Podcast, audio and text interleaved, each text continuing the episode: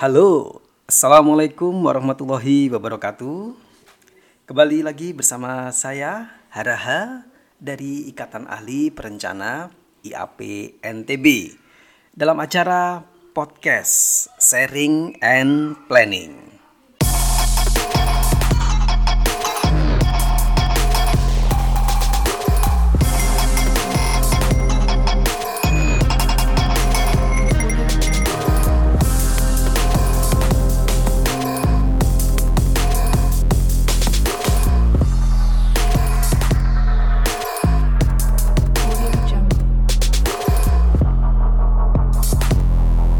Oke para pendengar sekalian, acara podcast sharing and planning ini ini merupakan sebuah wadah untuk kita berbagi berbagai macam informasi perencanaan, baik itu berkaitan dengan tata ruang, kehutanan, kelautan, pariwisata, transportasi, arsitektur, permukiman, dan lain-lain sebagainya.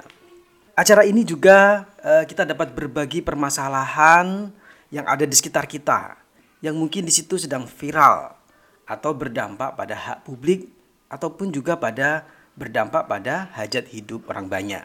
Dan di acara ini kita juga bisa saling berbagi opini atau pendapat atau juga para peneliti-peneliti yang ada di NTB atau yang penelitiannya ada di NTB bisa untuk mensharingkan hasil-hasil penelitiannya. Dan yang pasti acara ini sifatnya atau semangatnya adalah solutif. Artinya kita mencari solusi dan rekomendasi akan permasalahan-permasalahan yang ada. Baik, para pendengar sekalian, kita akan membahas tema-tema yang menarik berikut ini. Tema kali ini, para pendengar sekalian, uh, saya akan sedikit berbicara, sharing opini dengan Anda sekalian berkaitan dengan pilkada dan tata ruang.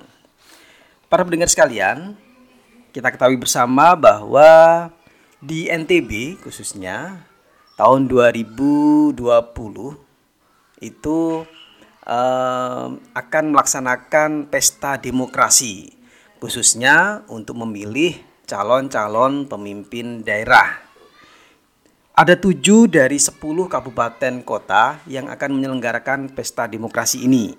Jadi kalau di tahun 2018 lalu, para pendengar sekalian, uh, di NTB juga melaksanakan uh, pesta demokrasi di mana pada saat itu uh, kita bersama-sama memilih gubernur dan wakil gubernur.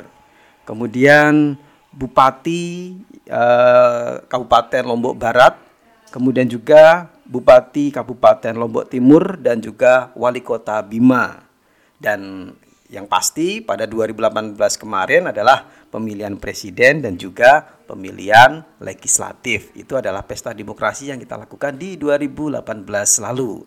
Nah, di 2020 ini meskipun saat ini kita berada di tengah pandemi COVID-19, eh, ternyata pesta demokrasi ini tidak urung atau tidak tidak luntur, jadi tetap dilaksanakan. Jadi ada tujuh kabupaten kota yang melaksanakan pesta demokrasi. Jadi kalau saya hitung eh, yang ada di Pulau Sumbawa itu ada Kabupaten Bima, kemudian Kabupaten Dombu, Kabupaten Sumbawa, dan Kabupaten Sumbawa Barat yang akan melaksanakan pesta demokrasi. Kemudian yang ada di Pulau Lombok ada di Kota Mataram, kemudian ada di Kabupaten Lombok Tengah dan Kabupaten Lombok Utara. Itu adalah tujuh kabupaten kota yang akan melaksanakan pesta demokrasi pada tahun 2008 2020 ini. Oke. Balik lagi pada tema kita, para pendengar sekalian, terkait dengan pilkada dan tata ruang. Oke, berbicara tentang pilkada, yang pasti seorang pemimpin daerah nantinya akan menentukan model tata ruang ke depannya. Karena memang eh, tidak bisa dipungkiri bahwa eh, seorang pemimpin daerah, pimpinan daerah itu akan menghasilkan sebuah rencana pembangunan yang harapannya rencana pembangunan itu bisa dilingkupi atau dimaktubkan di dalam rencana tata ruang. Untuk itu, memang sebuah kebutuhan bahwa seorang kepala daerah ini harus paham tentang tata ruang. Itu yang pertama. Kemudian sebisa mungkin memang para pendengar sekalian, seorang calon kepala daerah ini memang harus bisa menyerap aspirasi dan juga tren yang ada di masyarakat. Jadi tidak bisa serta-merta paham tata ruang itu kemudian langsung membuat tata ruang. Jadi gambarannya para uh, pendengar sekalian, sama seperti uh, kita pada saat ingin mendesainkan sebuah rumah untuk kita huni. Jadi paling mudah kita menggambarkan uh, yang punya rumah atau owner dari coupling atau rumah tersebut itu adalah rakyatnya. Kemudian arsiteknya itu adalah calon pemimpin daerahnya. Nah, biasanya apa yang dilakukan oleh seorang arsitek sebelum dia mendesain? Apakah uh, dia cukup uh, dapat job atau dapat project? Oke saya diminta untuk mendesain. Langsung dia mendesain dengan mungkin karena memang dia uh, pendidikannya tinggi. Kemudian karena dia pengalamannya banyak kemudian dia akan langsung membuat sebuah desain rumah yang mungkin futuristik yang uh, modern yang atau bahkan yang sangat uh, apa namanya uh, bergaya klasik. Nah, jelas bukan seperti itu. Tapi seorang arsitek pasti akan bertanya dulu kepada ownernya atau kepada pemilik uh, pemilik tanahnya atau pemilik rumahnya. Siapa saja, berapa jumlah orang yang mau tinggal di situ, kemudian aktivitas yang dilakukan oleh masing-masing anggota keluarga itu apa saja, kemudian keinginan dari setiap anggota keluarga itu bagaimana, gitu kan. Selain hal-hal yang sifatnya internal, informasi internal, seorang arsitek juga harus paham atau mampu untuk menangkap potensi dan masalah yang ada dalam baik di dalam coupling maupun di luar coupling atau lingkungan. Jadi kalau tadi berkaitan dengan yang ada di dalam coupling, siapa yang menghuni, kemudian aktivitasnya apa, kemudian apa yang dibutuhkan, dia juga harus mampu untuk melihat potensi dan permasalahan yang ada di luar coupling atau lingkungannya. Sebagai contoh adalah kalau coupling itu berada di lokasi pojok atau dia berada pada lokasi tusuk sate atau berada di tengah-tengah coupling yang lainnya jelas itu akan memerlukan eh, penanganan yang berbeda-beda.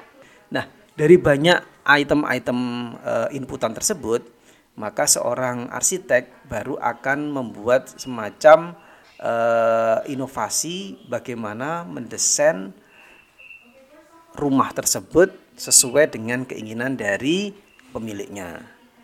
Tujuannya apa? Tujuannya adalah agar pemilik rumah atau yang tinggal di rumah itu merasa merasa nyaman.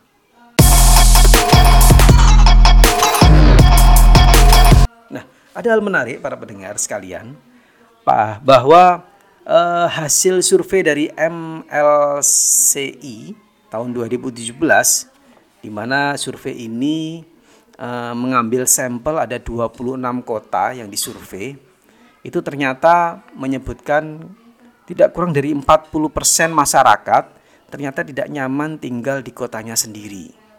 Nah, bagaimana ya itu? Bayangkan kalau kita punya rumah tapi kita tidak nyaman tinggal di dalam rumah kita. Padahal eh, banyak yang mengatakan bahwa kalau bisa ya rumah rumahmu adalah surgamu. Nah, tapi kalau kita tidak nyaman di dalam rumah, wah bahaya ya eh, para pendengar sekalian. Nah, sama halnya dengan pada saat kita ingin memilih seorang calon kepala daerah, ya berarti adalah bagaimana mencari atau memilih calon-calon yang memang e, bisa mendengar aspirasi, bisa kemudian e, aspirasi atau permasalahan-permasalahan tersebut atau rencana-rencana tersebut kemudian diinovasi, kemudian dibuat semacam e, diimplementasikan ke dalam program-program pembangunan yang akan dia dia buat. Untuk itu, para pendengar sekalian, saya mengingatkan berkali-kali bahwa jadilah pemilih yang cerdas. Dan yang pasti gunakan hak pilih Anda untuk menentukan pembangunan kita.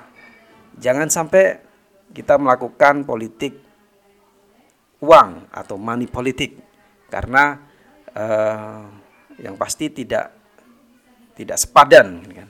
hanya se, se, seberapa uh, nilai rupiah atau nilai uang kita tukarkan dengan pembangunan selama lima tahun.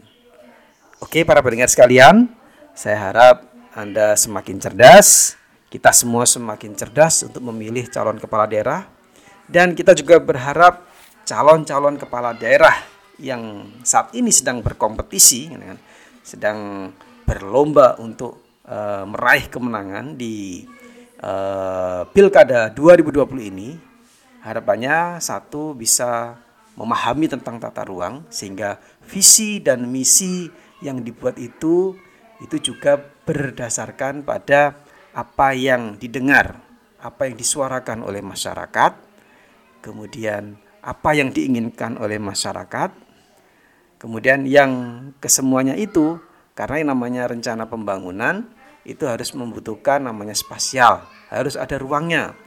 Kalau rencana pembangunan tidak punya ruang, ya pada akhirnya nantinya akan berbenturan atau akan ada pelanggaran di dalam pemanfaatan ruang. Di Undang-Undang 26 2007, pelanggaran terhadap pemanfaatan ruang itu berimplikasi pada hukum. Jadi kita harus sangat berhati-hati dengan hal itu semua. Oke, uh, semoga Pilkada 2020 yang diselenggarakan di NTB dapat berjalan dengan baik, berjalan dengan aman, lancar, sukses dan juga menghasilkan calon-calon pemimpin daerah yang amanah, pemimpin daerah yang uh, mampu berinovasi, pemimpin daerah yang mampu menjadi tauladan bagi seluruh rakyatnya sehingga seluruh masyarakat akan merasa nyaman, merasa senang, merasa siap mendukung dan mensupport setiap pembangunan yang direncanakan. Baik, mungkin itu sedikit sharing dari saya. Jangan lupa untuk menyampaikan komen, saran dari Anda sekalian di podcast kami uh, yang nantinya akan coba kita uh, bahas di sesi-sesi berikutnya. Demikian dari saya Haraha dari Ikatan Ahli Perencana IAP NTB. Salam podcast sharing and planning. Wassalamualaikum warahmatullahi wabarakatuh.